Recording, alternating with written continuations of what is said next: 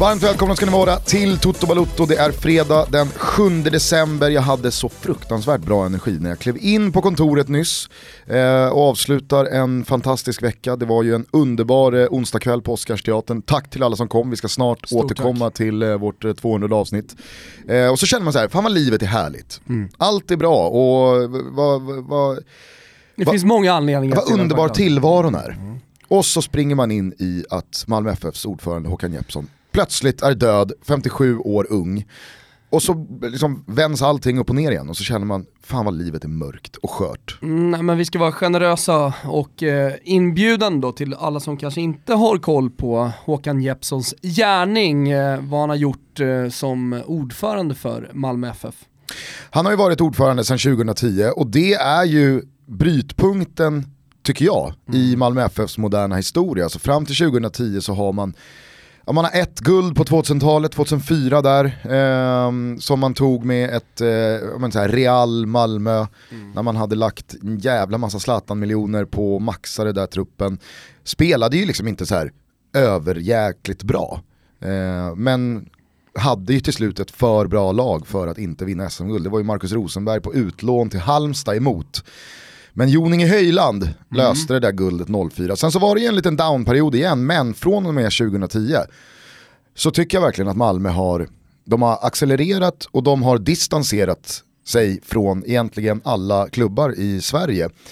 På många sätt så går det ju att argumentera för att AIK har hängt med, inte minst genom SM-guldet här nyligen. Men det är ju många, många klubbar Malmö har lämnat långt bakom sig. Ja men det jag tycker också de har gjort eh, under Håkan Jeppsson, det är att inspi- ha inspirerat eh, andra klubbar, för jag är alldeles övertygad om att eh, klubbar som ja, men till exempel Norrköping och Hammarby har eh, ja, men ansträngt sig ytterligare. Eh, för det blir ju så, AIK med för all del, de som, de som, som du säger också är eh, den klubben som är närmast. Eh, att man eh, såklart alltid jobbar så hårt man bara kan. Men i och med att Malmö har haft mer pengar, de har kommit längre i sin organisation, eh, Eh, så har man blivit tvungen att, eh, att kanske gå den här extra milen eh, för att hänga med. Så det har, alltså Malmö under Håkan Jeppsson har hjälpt hela allsvenskan att bli bättre. Mm. ja, och, och alltså, det går väl även att argumentera för att Malmö under den här tiden har ja, men, eh, tagit tillbaka Sverige till eh, pole position vad gäller nordisk fotboll. Eh, det var ju efter IFK Göteborgs fantastiska liksom, 80-tal och mitten på 90-talet så tog ju Rosenborg över den eh, manteln och den facklan. Spelade kontinuerligt i Champions League, prenumererade på eh, liksom, guld i Norge, huserade massa landslagsmän och det kändes som att så här, att gå till Rosenborg som svensk spelare, det var ju ett jäkla steg upp från eh, allsvenskan. Sen så eh, falnade ju eh, deras, eh, deras låga eh, och FCK tog över och visade att ja, men nu, nu är det i Köpenhamn som nordisk fotboll har sin spjutspets. Och man, De är fortfarande kvar ska jag säga som, som Det ska absolut stark sägas. klubb, det är inget snack om och de kan också erbjuda höga löner och få riktigt kvalitativa spelare till sig. verkligen, men det fanns ju en tid, en 5, 6, 7 års period När det inte var något snack. Nej, där FCK var liksom, de, de höll jämna steg med belgiska, holländska, vissa tyska klubbar och det kändes som att svenska spelare, det var ju så här, jag går mycket hellre till FCK. Eh, där, tappar, där, där, exakt, där tappar man ingen landslagsplats. Där får man spela Champions League-gruppspel eh, i princip varenda säsong. Eh, där kan man lyfta löner som absolut matchar de här länderna och de här klubbarna. Eh, men nej, alltså, jag, jag tycker ju, nu är det säkert många som inte håller på Malmö FF som inte håller med mig, men jag tycker att Malmö har tagit över den rollen från FCK och numera stoltserar som hela Nordens gjutna ånglok i att här är den föreningen som har, ja, men som har kommit längst. Men alldeles oavsett eh, vad som händer på transfermarknaden så kommer ju Malmö de kommande åren, om man inte gör någonting drastiskt fel eller råkar ut för någon slags skandal, att vara den klubben som startar som oddsfavoriter. Alltså, och det, det här har man då byggt upp som du säger under eh, Håkan Jeppssons tid. Ja, man har ju gjort väldigt, väldigt mycket rätt, inte bara på planen, utan man har ju tänkt helt rätt i, i arenafrågan där man liksom, likt FCK, tidigt förstod att istället för att lägga massa miljoner som man får från Champions League och spelarförsäljningar på nya spelare som eventuellt inte ger avkastning, så har ju de stoppat in majoriteten av sina cash i arenan för att äga den själv. Sen Och det, är det en sån, men det är sån lång, det är en sån långsiktigt smart investering att man garanterar att här rullar cashen in. Ja men såklart, det är bara att kolla på Juventus i Serie A som är en av få Serie A-klubbar som faktiskt har sin egen arena. Började ungefär i samma veva bygga, eh, lite senare såklart då än, eh, än klubbar i andra stora ligor. Men, men det, det, ja Stockholmsklubbarna har ju uppenbara problem eh, som de inte kan styra över med att bygga sina egna arenor eh, och, och vara med på det sättet. Men eh, det har ju gjort som du säger att eh, Malmö har kunnat distansera sig rent ekonomiskt. Bara ett kort sidospår här, vet du vad jag hörde igår? Nej. Det har alltså inte byggts en ishall i Stockholms kommun sedan 2004. Är inte Nej, det men- helt sjukt? Jo, nej, men hela, eh, nu, nu är det verkligen en parentes i det här sammanhanget, men, men så som eh, idrottsförvaltningen är väl i Stockholms stad, eh, arbetar med hallfrågor eh, oavsett om det är ishallar eller om det är inomhushallar. Sådana har ju byggts då, men eh, det, det, det är på så låg nivå, man ligger så långt efter. Jag hörde någon radiointervju med någon slags ansvarig där eh, som eh, menar på att ja, vi måste börja rusta upp men vi måste också bygga, vi, vi ligger så långt efter. Men problemet är att då, då måste man verkligen investera. Alltså det är ett jätteproblem för, oavsett vilken storlek på klubb det är, så är det ett jätteproblem med att det inte finns halvtider och att man har svårt att bedriva fotboll Eh, på, på vinterhalvåret på grund av att, eh, eh, att eh, det är de klassiska inomhussporterna som får tiderna. Som ett exempel så spelar vi eh, en, i en hall som är 12 gånger 18 meter. Eh, så, alltså en, en dag i veckan och jag menar bedriva någon slags kvalitativ fotboll, fotbollsträning på 12 gånger 18 eh, meter för 39-åriga tjejer, det är väldigt svårt, man får ha stor fantasi. Ja. Eh, hur som helst, tillbaka då. Det här gör mig väldigt upprörd, jag skulle kunna... Ja, Är det någon som har någon Jag podd ville- om det här, bjud in mig. Jag ville bara kort liksom säga att har inte byggts en ishall Nej, 2004 det var egentligen och, det du, jag och du, säga. du drog iväg Ursäkta. och Det, vi, började prata om mått ja, på någon hall vi, som vi, du har har, träning i. vi, vi har 40 lyssnare som tyckte att det var intressant.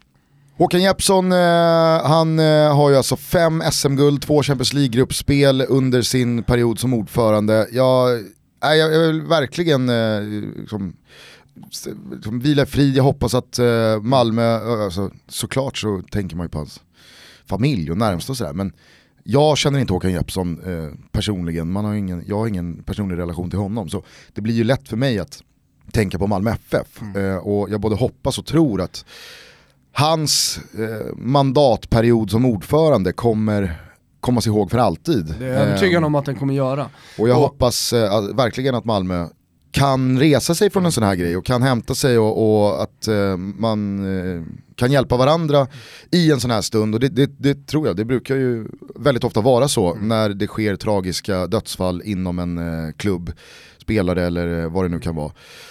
Eh, så att, nej fan, jag vill delta i sorgen här. Ja men en, en stor eh, förlust såklart för Malmö FF, eh, till alla hans eh, nära, men också en stor förlust för svensk fotboll i och med att Malmö FF är en så viktig och stor del av svensk fotboll, så, så, så är det det. Så våra tankar till eh, Malmö FF, eh, till alla hans nära. Ja, verkligen. Och i, i, i samband med det så vill jag också eh, rikta avsnittets schnitzel till Malmö FF. Eh, har du sett eh, videon som de har gjort med Berang Safari och hans eh, två tvillingsöner som har autism? Nej, jag har sett att den har fladdrat förbi, men eh, jag, och sen såg jag att Martin Åslund var inne och förde något slags eh, märkligt resonemang som man gör eh, titt som tätt. Men nej, jag såg den aldrig. Ja, men Malmö FF har ju då som klubb valt att eh, lyfta autism och Safaris då, eh, familjesituation för att eh, ja, men, eh, liksom kasta ljus på autism och eh, få den eh, forskningen rent medicinskt att eh, gå framåt. Och det här gör de då genom att låta Berang Safaris eh, söners teckning bli motivet på deras årskort 2019. Jag tyckte det var väldigt fint. Eh, den, den lilla liksom, promo-videon finns på sociala medier, jag tycker alla ska se den. Schnitzel, Ja, verkligen. Verkligen. Men Thomas, vilken jäkla onsdagkväll det var. Ja det var det. Eh, vi har ju sagt det nu flera gånger i olika sammanhang men stort tack till alla som kom. Eh, häftigt eh, att få vara med om en sån upplevelse. Igen. Igen, med ett smockat Oscars och massa roliga gäster. Och det är folk som har frågat om det här kommer upp på YouTube eller om vi kommer lägga ut en som podd. Men eh, dels så spelade vi inte in den den här gången, alltså med videokameror. Så det kommer vi inte göra. Och vi, kommer, vi spelade faktiskt inte in ljudet från den här kvällen heller för att vi tycker att livepoddar ska stanna vid att vara livepoddar. Så man kommer dit och man upplever det. Och för alla som tycker att det är tråkigt att man inte hade möjlighet eh, och tycker att det är dåligt av oss att inte lägga ut för man vill ändå ta del av det. Säger vi att vi kommer tillbaka. Eh, så att det här var inte sista gången vi stod på en scen. Det kommer finnas möjlighet i framtiden med. Eh, men det är grafik och det händer en massa grejer som helt enkelt inte kan tas med ljudmässigt. Så att det, det, det hoppar vi. Det var hur som helst eh, en eh, otrolig eh, tre timmare, lite drygt. Vi hade ju gäster i form av Erik Friberg. Inrikeskorrespondenten gjorde stor succé som inrikeskorrespondent. Ja. Tre plus hörde jag någon skrek från eh, balkong. Ja men det är väl bra. Ja, det funkar. Tre plus är ju bra. Ja. Eh, sen så var Alec, Alec Axén där. Mm. Eh, rev ner både skratt och applåder. Han är ju, han är ju jäkligt, jäkligt rolig, Mm. Axén alltså. Ja, och så tillsammans med Olof Lund så ritade han ju eh, tränarkartan för allsvenskan inför 2019. Ett segment som många säger, det var lite för långt. Ja. Men vad fan. Ja men Alltså- vi är också fotboll och jag menar det, folk pratar om att vi gör det ena eller det andra och att vi är grabbiga i jargongen.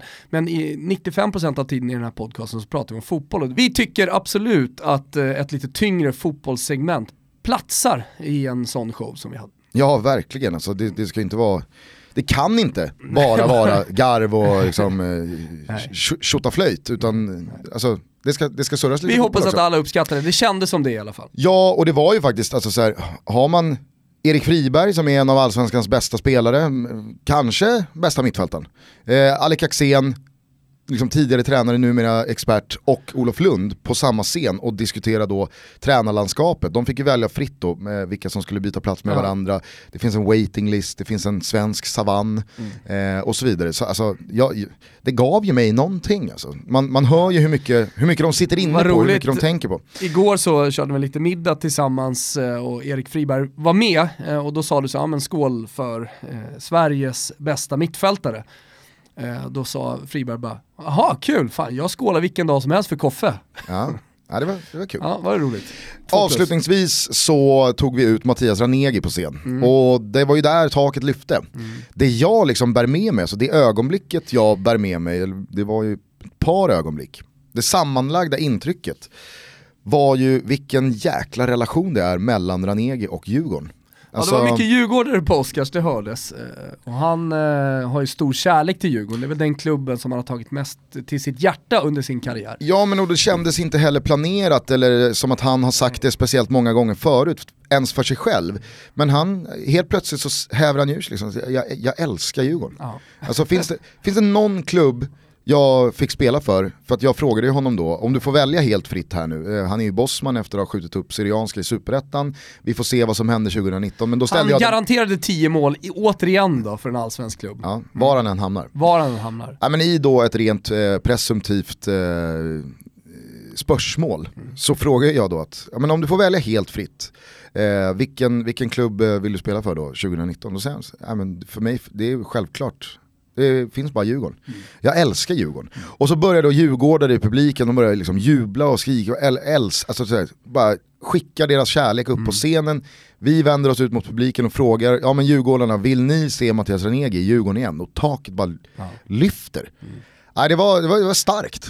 Eh, vår kompis eh, och Discoverys eh, demonproducent John Witt, stor djurgårdare, han sa ju det på efterfesten efteråt. Ah, Alltså, jag satt med gåshud. Jag kände så här, är Ragge den bästa spelaren man någonsin upplevt i Djurgården? Är han lösningen på alla våra anfallsproblem? Är, är det Ragge som är det? Just där och då kände han. Ja men han rycktes ju också med och kände så här. jag älskar Mattias Ranegi, jag vill se honom i Djurgården. Är det kanske vår största spelare någonsin? Ja, jag vet inte. Alltså, det, var, det, var, det var jäkligt roligt på många sätt och vis, men det, det var det liksom ögonblicket jag tog med mig främst. Att det var alltså, sån, sån oerhört tydlig kärlek mellan Ragge och eh, Djurgårdarna och Djurgården som klubb. Det är roligt att vi fick en hälsning från Mimmo och Crescito också. Ja det var kul. Till slut, efter mycket arbetande i två års tid så fick vi den vaniljaste hälsningen. Ja vi kan väl lyssna, vi kan väl lyssna på den. Så dåligt. Hello Sweden and tutto valuto. I hope uh, you will have a really nice evening. Bye guys, bye bye. Ja. Det, det finns ju något, alltså just... Du, det första du skrev till mig var nej nej nej nej nej, du, du måste lösa en lite eh, liksom längre eller Ja. eh, man måste prata lite mer. Eh, men det, är ju, det här är ju det bästa han får ur sig. Det, Det finns är- inte mer. Nej och sen så är det någonting med just italienare som ska Bye prata bye. engelska. Bye, bye bye, Bye. ciao, bye bye. Det blir, det blir ett litet barn, en liten pojke som sitter, ciao, bye bye, bye. Det var en otrolig kväll och jag hoppas eh, att eh, vi ses där eh, om ett år igen.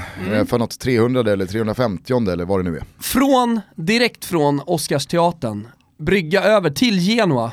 Stort tack till Oskar Hiljemark och Karl Fager som hjälpte till där. Men nu har de kickat Juric. Kommer du ihåg att vi pratade om det här för någon vecka sedan? Han har precis kommit. Han har ju knappt börjat eh, träna Genoa och han har ju varit där tidigare som spelare och som tränare. Men det är någonting som inte lirar med den lynniga presidenten Preziosi. Och vem är nu tillbaka i den italienska fotbollen som gör att hela jag liksom blir eh, lättare i steget och gladare och ser fram emot. Jag har haft eh, en ganska ansträngd relation till den italienska fotbollen, måste jag erkänna under hösten, men som gör att jag får tillbaka glädjen när jag tänker på vad som komma skall. Jo, Cesare Prandelli, för första gången då sen han var i eh, eh Fiorentina. Efter det så lämnade han och tog ett silver med det italienska landslaget, fiasko 2014 i Brasilien. Eh, och sen Galatasaray och det har gått neråt och man har undrat, eh, ma- eller om jag ska säga så här, man har sett honom stryka runt på savannen. Eh, men eh, nu har han lyckats hitta en flyktväg och eh, är tillbaka i den italienska fotbollen. Jag förstår att många som lyssnar på det här eh, kanske tycker att, jaha, vad, vad gör det här? Var, varför är det här så jävla stort? Nej men det är det för att han var den ja, men den mest upplyfte tränaren under sin sluttid i Fiorentina. När han nådde resultat med en trupp, återigen, mediokra spelare. Det var Martin Jörgensen, det var Per Kröldrup, men i, under Prandelli, i Fiorentina, så såg de ut som fucking Campioni. eh, och, och, och liksom höll på att slå ut självaste Bayern München och blev moraliska CL-finalister och så vidare.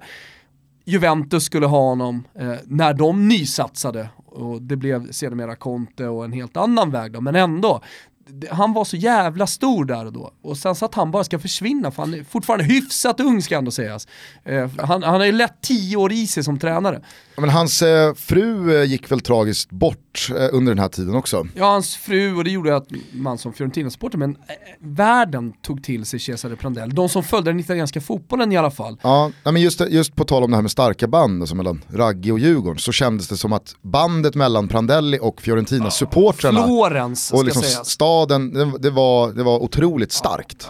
den eh, tystaste tysta minut som jag, jag någonsin har upplevt. Det var starka scener. Det finns ju, det är inte bara i Italien, utan det finns ju alltid tränare som, de är intressanta och tar de en klubb, må så vara att det är en mittenklubb eller kanske rent av eh, liksom ännu lägre i hierarkin, så blir ju den klubben intressant. Alltså man, man, man skulle, skulle Micke Stare ta över eh, Kalmar, så blir ju Kalmar mycket mer intressant än när nu Magnus Persson tar över Kalmar. Eh, vissa tränare har ju den auran runt sig. Alltså, och, och, Speciellt när man har haft en högsta nivå som eh, med, med Fiorentina, där eh, klubbar i hela Europa var eh, ute efter Cesare Prandelli. Alltså då, då tar man ju med sig det in, som Genoa-supporter gör man ju verkligen det. Kolla vad han gjorde sist han var i Serie A. Tänk om man kunde göra någonting liknande här. Men det var slog med en grej med tysta eh, minutrar. Eh, Den var stark som jag sa, Eh, det var mycket tårar eh, och mycket känslor. Under en tyst minut, alltså ofta när man upplever starka känslor så är det ju kopplat till musik eller ett mål, alltså det, det är ofta kopplat till ljud. Men, men att tystnad kan göra så mycket. Men då, då har man i alla fall, det jag skulle komma till, att då har man, i Italien så har man den här grejen att man tystar och sen så efter ett tag så börjar det liksom lågmält applåderas. Och det tycker jag är väldigt vackert. Det här händer bara. Det där sitter i ryggmärgen hos eh, italienarna. Eh, och eh, då minns jag när du och jag var på eh, Sverige-Slovakien där eh, Labinot eh, hyllades med en tyst minut just. Och eh, i Sverige så har vi inte riktigt den kulturen. Men Gusten Dahlin har ju då anammat den italienska varianten. Så efter ett tag så börjar du applådera. Ja. Men du får inte med dig någon. Så att där står du i 20-30 sekunder och applåderar och folk börjar vända sig och undrar vad är det för dåre som står och klappar. Där, där, där blev det en kulturkrock helt enkelt med Friends Arena-publiken och Gusten Dahlin. Kan ju inte heller vika mig där. Alltså jag, kan Nej, inte, jag, kan, jag kan inte sluta Nej, klappa. du, du, hade, du hade kunnat vika efter typ två, tre sekunder känt att nej, här är jag kanske fel ute. Ja. Men där fick du fortsätta. Så det här pågick det 20-30 sekunder, vil- vilket gjorde mig obekväm Mig med. bredvid dig. Mig med. jag förstår det. Men det var ju bara, liksom, det var bara löpa linan ut. Ja. ja, det var starkt. Vi kan väl i alla fall då eh, konstatera att Genoa alltså gör sitt eh, andra tränarskifte den här säsongen. Det är inte ens jul och man är nu inne på sin tredje tränare. Ja. Och det här är ju väldigt märkligt för att första, alltså första dojan som eh, Preziosi skickar på, det är ju efter en start som är riktigt bra Ja. av Genoa. Visst. Piontek flyger längst fram och leder skytteligan och man hade väl så här, hade man fyra segrar, eh, något kryss och två torsk? Äh, skickar vi. och, så kommer, och, och nu är det vadå, en och en halv månad på jobbet. Om det ens är det.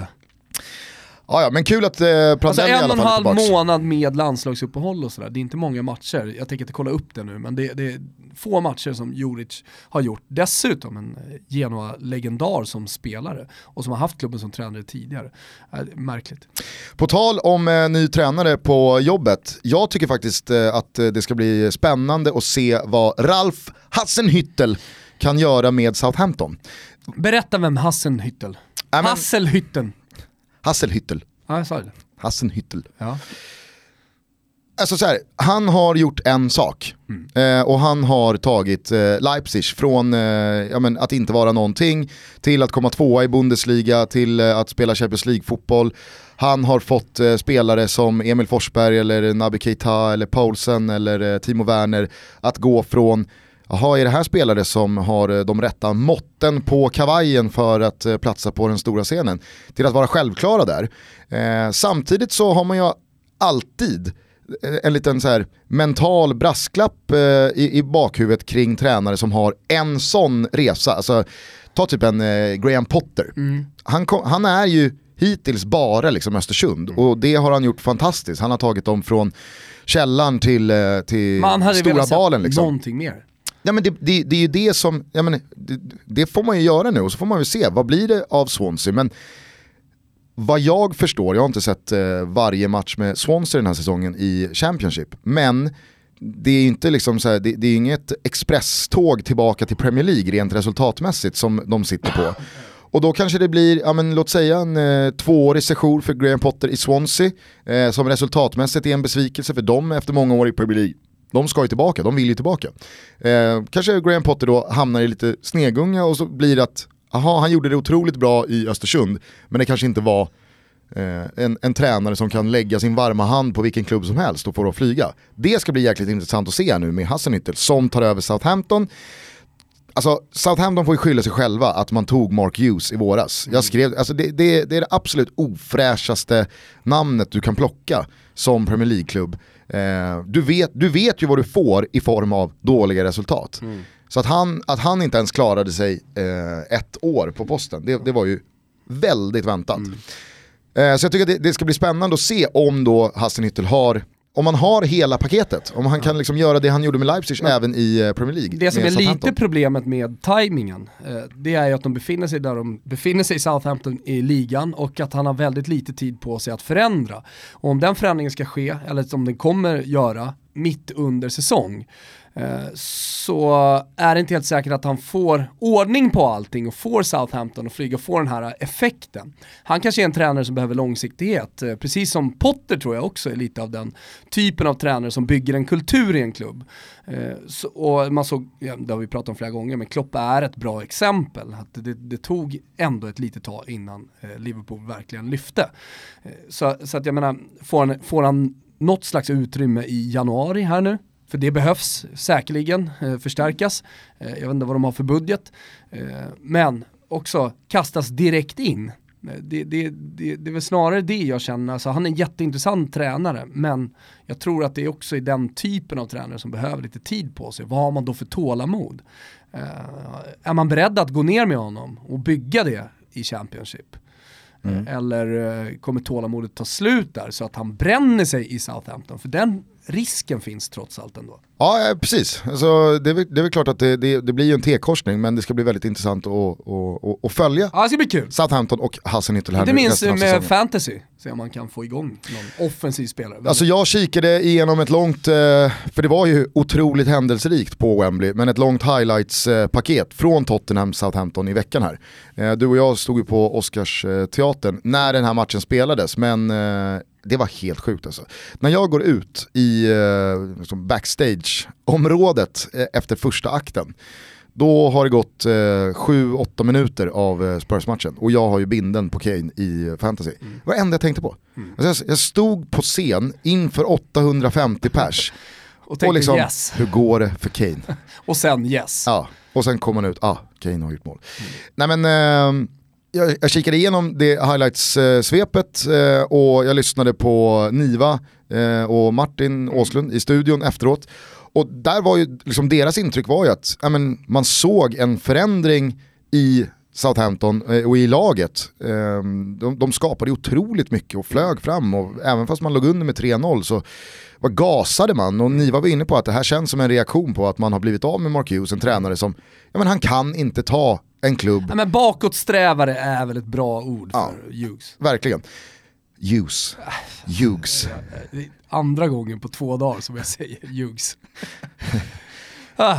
Så att, äh, jag man gillar ju när det blir lite jävla vind i seglerna kring vissa klubbar. Mm. Kanske blir det på Genoa också här nu då, eh, under eh, Två Prandelli. klubbar då som vi håller lite extra öga på i helgen. Mm, Genoa och eh, Southampton.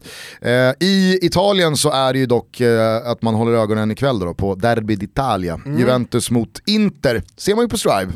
Ser man på Strive, eh, jag tror att det är många som har väntat på den här matchen. Man vill se vad Inter går för. Eh, de har gjort det bra tycker jag. Eh, efter en ganska svag inledning så tycker jag att Spalletti har fått ordning på grejerna. Och framförallt så är det här en stor match i matchen mellan Mauri Cardi och Cristiano Ronaldo som kommer vara de två spelarna som slåss om ligatiteln.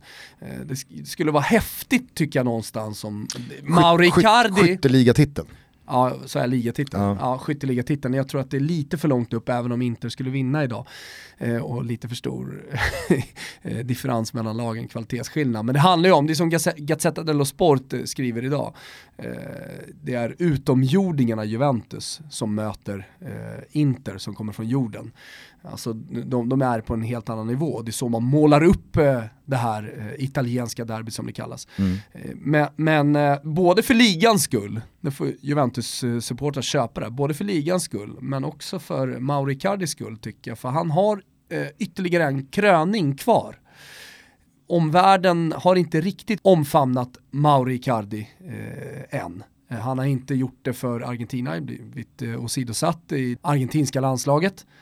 Eh, och eh, alla följer inte Serie A, alla har inte hållit den som den toppliga den, den ändå är. Och han är klass. Men jag tror att det är många som kommer titta idag, oavsett om det är Strive här hemma, men jag tror att eh, Derby d'Italia har världens ögon på sig den här fredagskvällen. Eftersom konkurrensen eh, är ganska svag. Ja, men, och i, i, i mångas eh, tror jag, ackumulerade liksom, känsla runt Mauro Icardi så finns det också väldigt mycket, dels runt Maxi Lopez-grejen men sen så blir ju, alltså den har ju flutit ut och vidare in i att Wanda då är hans agent och det har känts liksom lite kladdigt och löjligt och det har varit mycket sociala medier, han har, han har bråkat med supportrarna och det liksom Det var ju ett tag sedan, ska sägas, han hamnade i bråk med supportrarna, men det har ändå hänt. Ja. Och det tar han med sig i bagaget. Ja, ja absolut. Jag menar bara att jag tror att Mauri Cardi inte riktigt har fått det, det slutgiltiga betyget som, alltså så här, att det är en världsspelare, en stor spelare som alla otvivelaktigt håller väldigt högt. Just för att det har varit väldigt mycket liksom så här, det, det har varit omogna och liksom lite liksom barnsliga, lite löjliga, lite felaktiga strider att ta som lagkapten. Det har känts, vad fan fokusera, alltså vad är det, vad är det här för gubbe liksom? Ja, det är inte ett Zanetti direkt. Nej, precis. Och det tror jag har hjälpt till eh, på ett negativt sätt för Icardi eh, när då liksom sådana som du och jag eller andra fotbollssupportrar ska bedöma Mauro Icardi. Däremot så ska det ju sägas att han, han har ju mognat mycket Ja, med som verkligen. person och han, de, de har barn, eh, han har hand om Maxi Lopez barn. Jag tror att hon har ensam vårdnad. Eh, Jag ser, man ser honom ofta eh, med, med Maxi Lopez barn också. Så att jag menar så här, han, han har blivit en, en farsa. Eh, och, och det brukar man ju säga om italienska fotbollsspelare. Att innan de får barn så är de tonåringar. Och sen så, som över en natt när barnet kommer så blir de snarare då den här gentlemannen. Och Mauro Icardi är ju nästan lika mycket italienare, han har ju varit där så länge eh, som han är argentinare. Det är klart han alltid kommer vara argentinare i blodet och eh, spelar för argentinska landslaget. Men det fanns faktiskt en period när det italienska landslaget, eftersom man har dubbla pass, hade möjligheten att, eh, så att säga, knipa honom. Han är oriundo som kallas. Kanske de borde gjort. Ja, jag, Han ja, kanske borde facit i hand, helvete. Och sp- speciellt som eh, det italienska landslaget verkligen har saknat en klassnia Mm. under alla de här åren. Eh, samtidigt som det då i det argentinska anfallet har varit ett överflöd av klass. Eh, Juventus-Inter ikväll, fredag på söndag kan man se Milan-Torino också. En Ja. väldigt eh, intressant match att följa. Eh, så att, eh, har man inte ett Strive-konto så tycker jag att man ska regga sig eh, läge nu. redan nu. Vi är sponsrade av Xbox eh, och jag måste säga det Gusten, jag är fast. Är du det? Jajamensan. Fan vad trevligt Nu sitter man... att höra. Ja, visst är det trevligt att höra. Antingen sitter jag med mina barn, spelar barnspel, eller så sitter jag själv och bara rattar runt i Forza Horizon 4. Det är väldigt kul. Men hörni, eh, vi har fått en hel del frågor. Vi har ju pratat om eh, att spela online och sen så Game Pass, det här att man kan då betala en abonnemangsavgift då månadsvis eh, och få tillgång till över 100 spel. Eh, men eh, vi har också avslutat med taglinen Games Play Best on Xbox. Eh, man ska helt enkelt spela spelen på Xbox för bästa eh, upplevelsen. Och då har folk eh, undrat och så här. nu ska jag berätta vad det är som gör att Games Play Best on Xbox. Och vi kan ju bara börja med då hårdvara Gusten. Ja, hårdvara gillar man. Ja men hårdvara är viktigt. Xbox One X har den absolut bästa hårdvaran tillgänglig. Det är väl inte så konstigt att man då kan säga att Games Play Best on Xbox. Nej. Premium är ett bra ord här. Eh, det handlar om snabbare inläsningstider, högre upplösning av bild, HDR-funktioner som gör grafiken och färgare, för att du ska förstå det Gusten, får en djupare och mer verklighetstrogen känsla, fast man då sitter hemma i sitt vardagsrum. Äkta 4K-spel, det innebär att spelen är i 4K och konsolen skickar signaler till tvn som ger högupplöst bildmaterial och otrolig bild som följd. Och det här är liksom ingen uppskalad variant, för det kan man se skillnad på. Och sen kan man ju då spela online som vi har pratat om, chatta, hålla kontakten och samla achievements som det så fint heter i gamingspråk.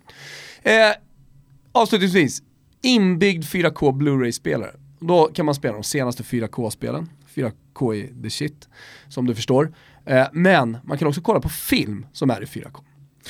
Jag eh, hör ju att eh, Xbox är the shit. Ja, det- Grejerna poppar, upplevelsen är otrolig Ja. och man känner att den här taglinen Games play best on Xbox, Mm. den stämmer. Håll eh, ögon och öron öppna för nästa vecka så har vi en tävling där man kan vinna en helhetslösning, det vill säga en Xbox One S, extra handkontroll, livefunktionen, Game Pass och så vidare. Spel och grejer. Tack till Xbox. Tack! Vi är denna vecka sponsrade av Neckwear. De är tillbaka nere i uh, Toto-båten. Och det... Det- är ju väldigt passande så här i juletider. Man vill vara snygg. Precis, det kommer jular, det kommer nyårsaftnar, det kommer säkert någon eh, julfest med jobbet, det kommer ett julbord och så vidare och så vidare. Eh, rabattkoden TOTO ger eh, alla 20% på hela sortimentet och den här koden gäller december ut. Det är fri frakt, riktigt snabba leveranser och att beställa leveransen innan julafton är inga problem när man kör från Neckwear. Eh, det finns riktigt snygga skjortor från Eton och Stenströms. Ja, De bland annat. Ja, jag gillar dem jättemycket. Har ett par hemma. Neckwear är din vän i decembermörkret Mm. när man vill bli lite snyggare. Dessutom så har jag nu börjat eh, känna att jag har, liksom, jag har åldern inne för att slänga på mig ett par skinnhandskar när det biter i Det finns också. i kylan. Ja, det finns eh, jättefina skinnhandskar från Hestra av finaste kvalitet. Eh, dessutom halsdukar i skön kashmir va, från Scottsbury. Men jag har ju alltid, alltså på tal om de här handskarna, du, du, har, du, du pushar ju 40 så Ja. du har ju verkligen åldern inne. Jag har åldern inne Men är det kanske den liksom, är det, är det en av de tydligaste markörerna för att nu är man inte en ungdom längre? Ja. När man har skinnhandskar på vintern. Ja, för ser du någon som är lite för ung som går omkring i skinnhandskar, då, då blir det ju väldigt tydligt att det blir en liten, ja, en liten gubbe. Mm. Sådär. Eh, men eh, det är ju trendigt också att ha de här tunna fina skinnhandskarna. Eh, och de finns på Neckwear. Precis, neckwear.se är det ni behöver. Koden är TOTO, den ger er 20%. Lägg vantarna på handskarna. Oj, oj, oj, oj, Fick man till det va? Eh, tack till Neckwear för att ni är med och gör eh, Toto Balotto möjligt. Stort tack. Luka Modric, världens bästa fotbollsspelare. Håller du med? Eh, nej, och jag tycker att det här blir liksom slutpunkten för Ballon d'Or som ett pris som betyder någonting. Nej, men jag det är tycker- alltid det- så här VM-år ju.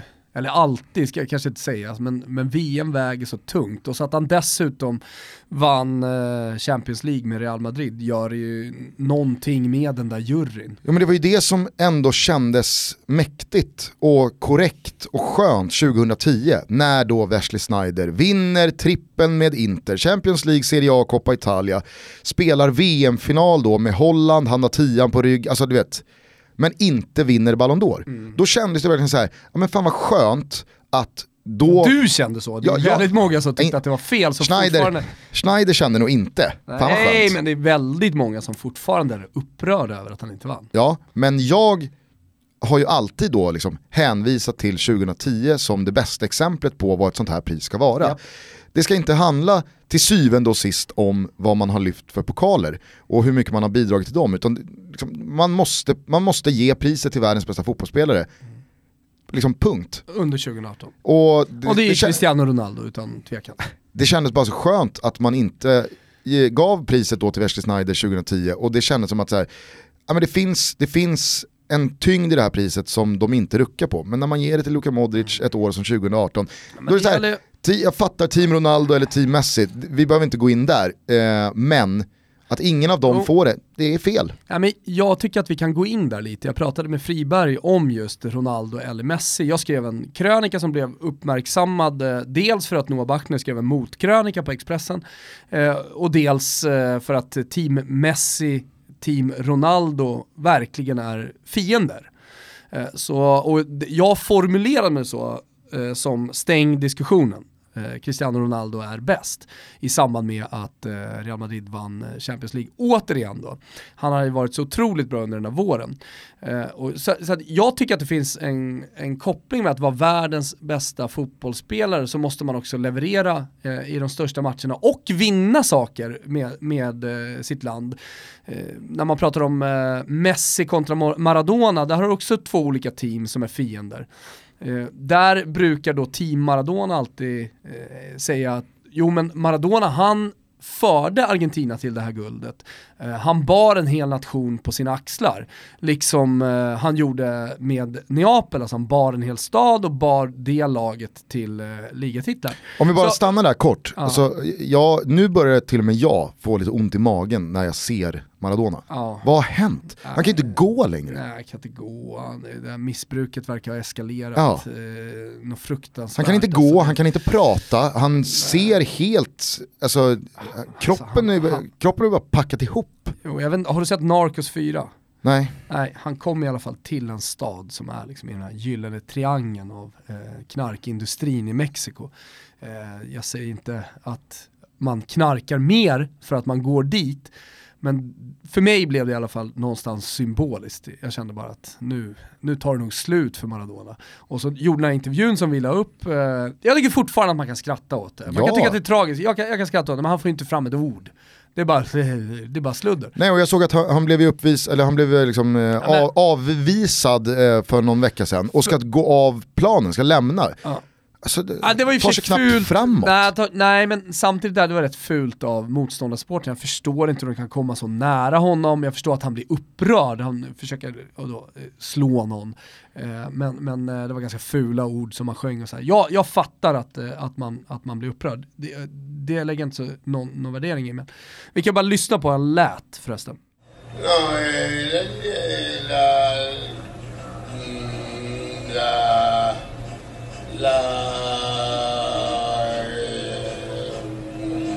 Alla har inte sociala medier, men de som har det borde följa Toto Balotto på Instagram, då får man ta del av sådana här grejer. Hur som helst, eh, Ma- Team Maradona är ju, även i Argentina, är ju liksom emot Team Messi. Eh, det, det jag skulle komma till med det är att jag tycker att det fortfarande är en faktor att bära sitt lag fram till titlar. Sen det där med stängd diskussionen, det var ju där och då. Alltså om, om vi skulle besluta om det Ballon är också ett d'Or- uttryck. Alltså, Eh, Alltså jag tycker verkligen att det är ett uttryck. Så du behöver inte ta det så bokstavligt. Stäng diskussionen. Ronaldo, två senaste åren har vunnit det här, det här, det här, det här. Har också vunnit två Ballon d'Or eh, i rad. Så, så kontroversiellt tycker jag inte att det är. Och sen, sen måste jag säga då till alla som är team Messi, för att jag märker på sociala medier eh, att eh, folk tror att jag driver någon slags Ronaldo-agenda, vilket jag absolut inte gör. Alltså jag har suttit här med Daniel Olenklint i fem år och vunnit rakt av på Barcelona, eh, i refills live och så vidare. Eh, jag älskar Messi och älskar Messi som fotbollsspelare och sättet han flyter fram. Alltså, det är inget snack om att, alltså, om man nu ska prata om fotbollsspelen, teknik, eh, bollen vid fötterna, den här snabbheten. Klart att Messi är, är vassare på det. Men det blir också svårt när man ska jämföra olika positioner. Och här kan man ju då lägga till målvakt, du kan lägga till eh, central mittfältare som Modric är, mittback. Alltså, det, blir, det blir ju verkligen supersvårt. För jag menar, ska du ta fram den mest tekniska, den som springer snabbast med boll och som dessutom liksom för Barcelona till ligatitlar och så vidare. Ja men det är klart att det är Messi. Men jag tycker att Ronaldo från den positionen som han har haft, eller jag tyckte, eh, där då när jag skrev krönikan, att han, han, han var världens bästa fotbollsspelare. Så eh, jag menar så här, jag, är- jag, jag, vill bara, jag vill bara understryka att jag inte driver någon agenda. Kanske så är det läge för mig att skriva en Messi-krönika snart. det, det kan, kanske är dags. Kanske Jag har också skrivit Messi-krönikor. Sådana finns i arkivet Gustav. Jag tycker i alla fall att när man då ger det här priset till Luka Modric, jag, jag fattade i, tidigare i höstas att Fifa delar ut sitt, the best, till då Luka Modric för att understryka hur stor grej eh, VM ska vara och att det ska väga extra tungt och det är deras turnering och sådär. Hade ändå förhoppningen att nej, Ballon d'Or är starkare än så här. Den, det är väl klart att Ballon d'Or går till en av de två som är världens bästa fotbollsspelare. Jag hade, gett, jag hade faktiskt gett eh, Ballon d'Or i år till Leo Messi.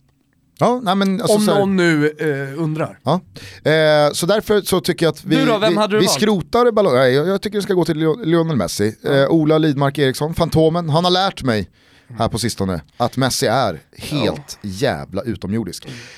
Och det, här, ja, visste du inte det? Innan har ju många liksom Ja. då eh, reagerat med. Eh, jo, det visste jag, men jag, jag, jag, jag trodde inte att det var sån extrem Att man även i distans statistiken ner. Skulle kunna hitta På det. alla sätt och vis är han långt före alla andra.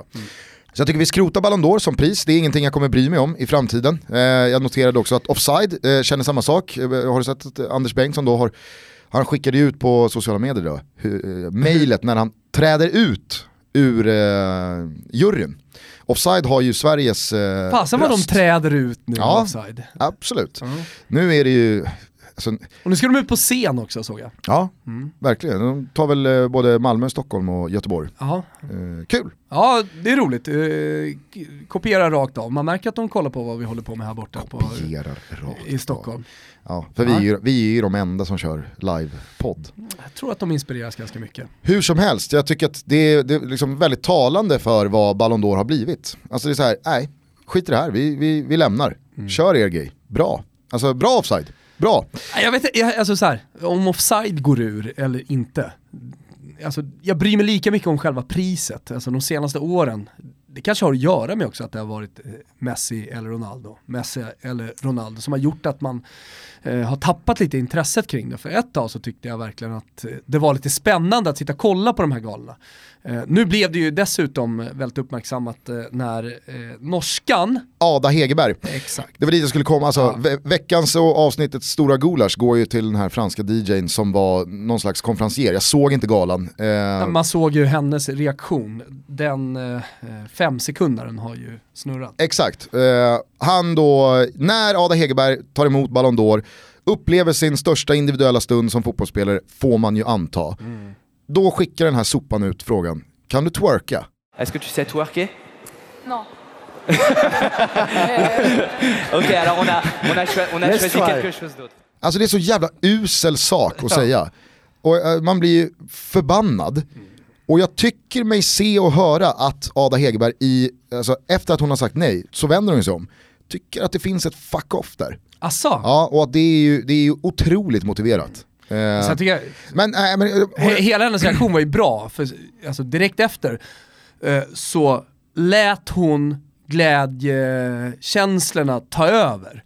Eh, och hon gick direkt fram till honom, liksom, tog i hand, det blev någon, eh, vad ska jag säga, någon slags eh, förlåt från hans sida. Och jag menar, så här, det ser ju hela världen. Ja, det det, där bara det, där är, det där är en usel, usel snubbe. Du vet att han i ursäkten säger, "Nej, jag, jag, jag pratar för dålig Nej, engelska. nej, jag- men frågan han ställer ställer han på franska. franska, ja. Så det är bara så här, nej, det, det är sån jävla sopa. Ja, det är som att han inte skulle förstå vad ordet betyder. Men, men jag tycker hon gör det så jävla snyggt att liksom, ja, hon godtar den där ursäkten och sen så fortsätter hon att bara prata om den här glädjen och var ute i Parisnatten och, och firade. Och, och eh, ja, men så här, så här, självklart blev det här rubriken men, men det som ändå blev tycker jag, det stora, var ju liksom hennes sköna personlighet. Jag har aldrig sett henne i intervjuer tidigare.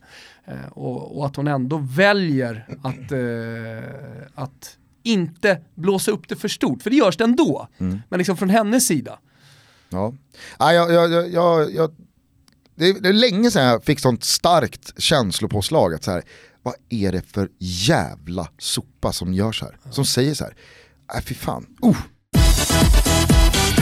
Hörni, nu är det eh, fredag eftermiddag, snart kväll, men det finns tid kvar att vara med i Toto-kuppen. Vi kör hela vägen fram till 23.59. Ja. Vad är det vi gör tillsammans med Betsson Thomas? Ja, det är så jäkla kul. Eh, Man lägger en singel på fredagen, om man sätter den, man får lägga hur många man vill, Mm. eh, då tar man den bästa så att säga, där man har vunnit mest, med sig till lördagen, lägger en dubbel.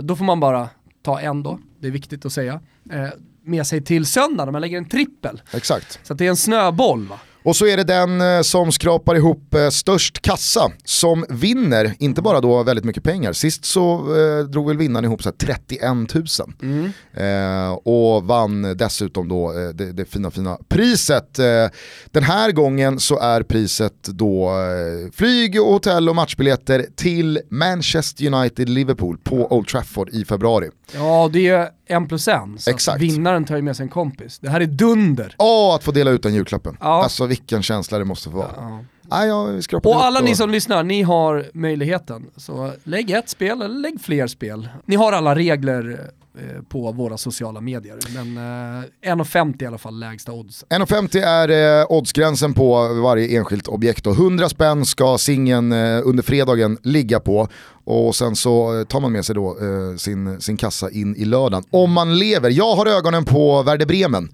möter Düsseldorf ikväll. Ska jag också säga det så här, glöm inte bort hashtag Totokuppen och tagga in Betsson. Nej. eh, För att det är fundamentalt. Verkligen. Eh, jag kommer kika på en djup handikapplina. Även fast det är fack Bremen och allt sånt där. Vi är ju team Hamburg och hatar ju Werder. Men eh, ikväll kommer de få mitt... Hatar världen. Ja men det gör vi. Ja, ja, visst, visst. Jag har ju, jag har ju en halsduk uppspikad på studion, där står det fuck Bremen. Eh, nej men eh, jag, jag kommer ändå lita på de gröna ikväll. Ja. De ska skinka på Düsseldorf eh, med tre bollar. Tar man med sig en åtta hunking i alla fall in i lördagen, Ja, hoppas man ju. Ja, men, eh, som, som du sa, alla förutsättningar och alla regler finns via våra sociala medier och Betssons eh, sociala medier också. Så att, eh, stort lycka till. Stort lycka till. Det har ju redan rasat in eh, obskyra kuponger i hashtaggen. Det är kul. Du vet eh, vad vi ska avsluta med för låt? Nej. Världens bästa låt. Världens bästa låt genom tiderna. Purple Rain med Exakt. Prince. Ja, ja det, är, det är skönt att vi är överens om, om någonting. Det kan man ju säga för alla de som inte var på plats på Oscarsteatern. Vi avslutade ju med då det, det, det, första och förmodligen sista eh, eh liksom, uppträdandet rent musikaliskt någonsin. En gång så sjöng emellan. vi inför publik två gånger. Första och sista gången. Mm, exakt. Eh, vi, spel, vi spelade och sjöng Redemption Song. Eh, du, eh, Satt ju som en smäck på genrepet. sen tappade du texten. Sen, men, nej, jag kollar på det här i efterhand. Det är du som leder in mig fel, men, men framförallt så sätter jag inte tonen, jag kommer inte in. Det är du som skulle leda mig i tonen, men du är för passiv. Så det är egentligen ditt fel. Okej, ja. Det är du som är den musikaliska av oss Gustav. du, det var så här, you had one job. Ja, Och men jag tycker ändå, jag tycker ändå att eh, liksom, sista versen, den hade ändå någonting tillsammans med publiken. Ja, nej, det var kul. Eh, men nu eh, dammar vi igång då Purple Rain, Prince. Eh, nästa vecka så fortsätter Toto Balutto att rulla vidare. Vi har spännande gäster på väg in Mm. i studion här för lite julavsnitt eh, och gästavsnitt och vi ska sammanfatta året med Niva. Och... Ah, så jäkla kul, slut på det här året kommer det bli och en rolig jul. Verkligen. Eh, trevlig helg, kör hårt i Toto-cupen eh, och ta hand om varandra. Kom ihåg att livet är skört. Vila i frid Håkan Jeppsson och all kärlek till eh, er som lyssnar. Ciao tutti. Never meant to call you in your sorrow.